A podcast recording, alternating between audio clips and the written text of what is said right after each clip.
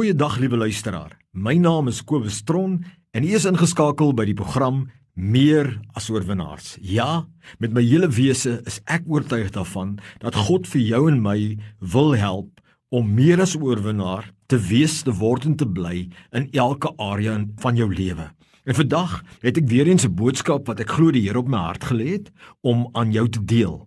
En ek weet en ek glo met my hele wese dat jy daarna moet luister en dat dat dit vir jou gaan help om meer as 'n oorwinnaar te wees. My boodskap aan jou is hierdie: Asseblief, maak seker deur die genade van die Here dat jy met nederigheid beklee bly. Bly met nederigheid beklee. Dis my boodskap wat ek wil hê jy moet duidelik hoor. Bly met nederigheid beklee, want nederigheid sal altyd 'n noodsaaklikheid bly. Wil jy moet baie duidelik hoor. Nederigheid sal altyd 'n noodsaaklikheid bly vir elke kind van God wat begeer om te deel en aan te hou deel in God se heerskappy op aarde, God se krag en God se seënings op aarde. As jy nederig van hart bly, maak jy die deur oop om saam met God te heers, om God se krag te ervaar om God se seëninge op aarde in en deur jou en oor jou te geniet en te belewe. Maar as jy toelaat dat hoogmoed in jou hart kom en jy nie meer jou beklem met nederigheid nie, dan maak jy jouself oop om in slaggate te val en jy weerstaan die hand van die Here, jou God. Daarom, my liewe vriend, ek weet nie wie jy is nie. Ek ken nie jou by naam nie, maar ek weet jy moet hoor hierdie boodskap. Miskien het jy groot deurbrake gemaak in jou lewe en kan jy baie trots wees op jouself, maar God wil hê jy moet altyd sê met nederigheid sal ek myself beklee. 1 Petrus 5 vers 5 die B gedeelte sê die skrif, die woord van die Here bevestig hierdie boodskap wat ek gee. Hy sê: "Wees almal met ootmoed bekleed in onderdanigheid aan mekaar want God weerstaan die hoogmoediges maar aan die nederiges gee hy genade. Ek wil hê jy moet dit duidelik weer hoor terwyl ek dit lees. Wees almal met ootmoed. Ootmoed beteken nederigheid humility. Wees almal met ootmoed bekleed in onderdanigheid aan mekaar want God weerstaan die hoogmoediges, maar aan die nederiges gee hy genade. Duidelik, duidelik sien ons die wil van God geopenbaar hier dat God die hoogmoediges weerstaan en dat hy die wat nederig is van hart en met nederigheid bekleed is, dat hy hulle genade gegee. Dat met ander woorde, dis die plek waar God vir ons lei. Hy maak sy wil aan dan aan ons bekend. Hy laat sy vermoë in en deur ons werk. Hy werk bonatuurlike ondersteuning en guns vir ons, maar dan is die woord noodsaaklik wat jy moet hoor. Nederigheid is 'n noodsaaklikheid. Humility is a necessity. Solank jy die pad met die Here stap, moet jy hom bekleed stap met nederigheid. Dan maak jy oop vir God se heerskappy, sy krag en sy seëning om om toe te neem. En ek wil hê ons moet 'n bietjie gaan stil staan by die praktyk van om net nederigheid bekleë te wees. En kom ek verduidelik vir jou in vier komponente wat dit vir my beteken en wat ek glo die Here vir my mee geleer het, gecoach het, wat nederigheid bekleed beteken. Dit beteken vir my eerstens, nederigheid beteken eerstens God afhanklik. Met ander woorde, solank ek werklik nederig is, gaan die kleding, dit waarmee ek my bekleed, dit wat ander mense kan sien, gaan wees ek ken vir God. Ek vra vir God vir sy leiding en vir sy hulp. Ek vertrou God. Ek rus op God. Ek weet God is my bron. Ek weet ek kan niks sonder God doen nie.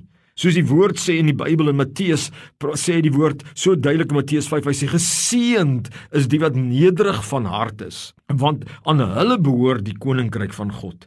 Ander vertaling sê geseënd is hy wat afhanklik is van God want aan hulle behoort die koninkryk. So duidelik lees ons in die Bybel dat die Bybel baie duidelik sê counsel, raad wat van God afkom, kom vir die wat nederig is van hart, wat God afhanklik is, hulle harte is oop, ontvanklik.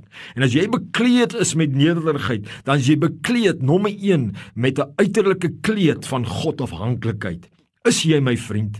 Is jy bekleed daarmee? Want dan vra die Here vir jou, kom terug na die plek toe waar jy weer eens nederig eh, bekleed is, dat jy weer God afhanklik is. Maar hoor gou vir my, 'n tweede gedeelte van die kleed van nederigheid. Onthou, nederigheid is 'n noodsaaklikheid vir God se heerskappy, krag en seëninge in jou lewe. Die tweede ding is leerbaar. In Engels sê ons teachable. Iemand wat nederig is, is bekleed met 'n leerbaarheid. Met ander woorde, hulle is oop en bereid om te buig om vir God se wil en wee. Maak nie saak deur wie of deur watter omstandighede dit kom nie. Of dit nou die die Heilige Gees is wat in ons harte praat of die Here wat deur iemand praat of net natuurlike wysheid wat in lyn is met God se wil wat deur iemand anders se mond kom selfs jou kind. Nederigheid beteken ek is oop vir die advies van ander. Ek luister, ek neem dit in konsiderasie voordat ek my besluite neem. Ek wil die wil van die Here doen en ek is nederig van hart genoeg en nie hoogmoedig sodat ek dink ek weet alles die beste nie. Nee, ek is oop vir advies. Ek is leerbaar. Is jy my vriend?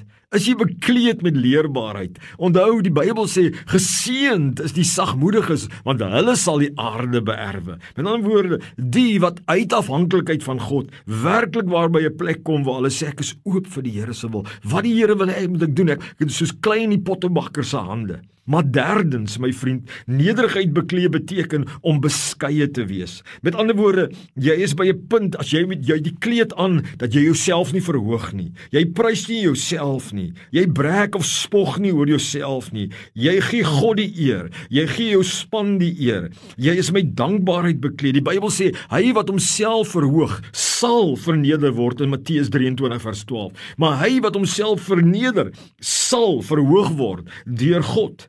Die woord sê so baie baie duidelik, mense dat die woord dat hy wat homself verneder voor God, hy sal verhoog word. En die Here wil hê ons moet met ons mond en ons tong beskeie bly. Maak nie saak hoe die Here ons seën nie, dat ons altyd die Here die eer gee, altyd die Here opstel en sê dis hy en die mense rondom ons dank en eer vir die wat ons gehelp het want niemand van ons kan suksesvol wees sonder God nie op 'n langdurige basis nie. Niemand van ons kan werklik gelukkig gelukkig wees en geseën wees met gesondheid en materiële dinge en al die mooi dinge van die lewe tensy dit kom van God nie. Die Bybel sê so duidelik, ons moet onsself nie laat bedrieg nie. Elke goeie gawe kom van God af neer en daal van God af neer. En dit is wat die Here sê. Spreuke sê so duidelik, moet nie jouself jou prys nie. Laat iemand anders dit liewers te doen. En dan die vierde gedeelte van nederigheid beklee is om 'n dienende mens te wees. Om nie hoogmoedig en trots en praat af op ander mense nie, maar bereid om altyd 'n voorskot aan te trek en om mense te dien. Om nooit vir jouself as hoër of meer belangrik te sien as iemand anderste nie, maar altyd 'n dienende dienaar. Bedienaar, 'n dienende bedienaar wat nie beter is nie, nie hoër as ander mense is nie, maar eenvoudig in hulle funksionerende rol vervul. Of dit nou 'n leier is, dat jy spreek uit hierdie absolute dienende rol. So om bekleed te wees met nederigheid is God afhanklik, leerbaar, beskeie en dienend. My ma trek aan vandag daardie kleed. Hou dit aan, want God sal sy heerskappy en sy krag en sy seënings aanhou met jou deel in Jesus naam. Bly met nederigheid bekleed. Amen.